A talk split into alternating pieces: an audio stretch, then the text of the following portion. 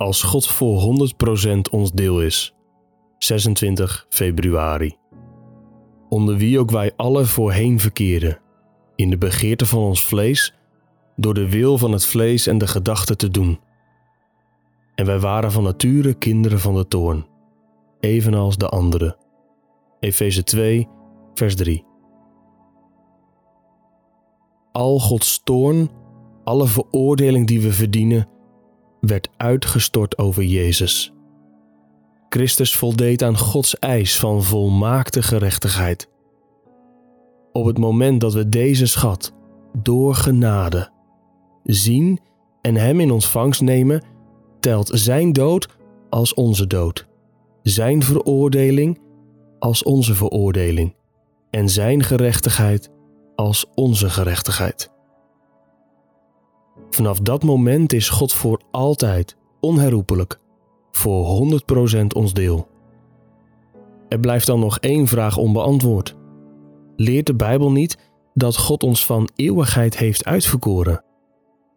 Want sommige oplettende mensen zullen zich afvragen: was God pas voor 100% ons deel toen we tot geloof kwamen, verenigd werden met Christus en gerechtvaardigd werden? Was Hij niet al voor 100% ons deel toen Hij ons verkoos, nog voor de wereld er was? Paulus zegt in Efeze 1, vers 4 en 5 dat God ons voor de grondlegging van de wereld in Jezus uitverkoren heeft, opdat wij heilig en smetteloos voor Hem zouden zijn in de liefde. Hij heeft ons voorbestemd om als Zijn kinderen aangenomen te worden door Jezus Christus. Is God dan niet van eeuwigheid voor 100% het deel van de uitverkorenen? Het antwoord hangt af van de betekenis die je geeft aan 100%. Ik gebruik de woorden 100% om recht te doen aan het Bijbelse gegeven dat we op verschillende plaatsen in de schrift terugvinden. In Efeze 2, vers 3 zegt Paulus bijvoorbeeld dat christenen kinderen van de toorn waren voordat ze in Christus Jezus levend gemaakt werden. Onder wie ook wij alle voorheen verkeerden in de begeerte van ons vlees, door de wil van het vlees en de gedachten te doen. En wij waren van nature kinderen van de toorn, evenals de anderen. Paulus zegt dat Gods toorn voor de wedergeboorte op ons rustte. De uitverkorenen leefden onder die toorn. Dit veranderde toen God ons in Christus Jezus levend maakte en ons de waarheid en de schoonheid van Christus liet zien, zodat we Hem aannamen als degene die voor ons stierf, van wie de gerechtigheid ons wordt toegerekend door onze vereniging met Jezus.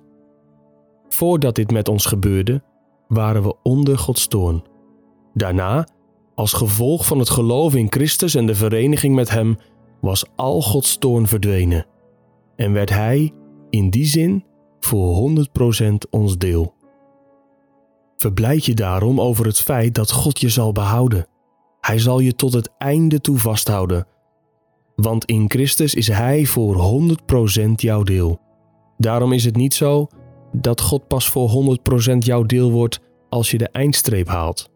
Dat je de eindstreep haalt is gevolg van het feit dat Hij nu al voor 100% jouw deel is. Je luistert naar Onwankelbare Vreugde, een dagboek van John Piper door Geloofsterusting en Desiring God. Wil je meer luisteren, lezen of bekijken? Ga dan naar de website geloofsterusting.nl.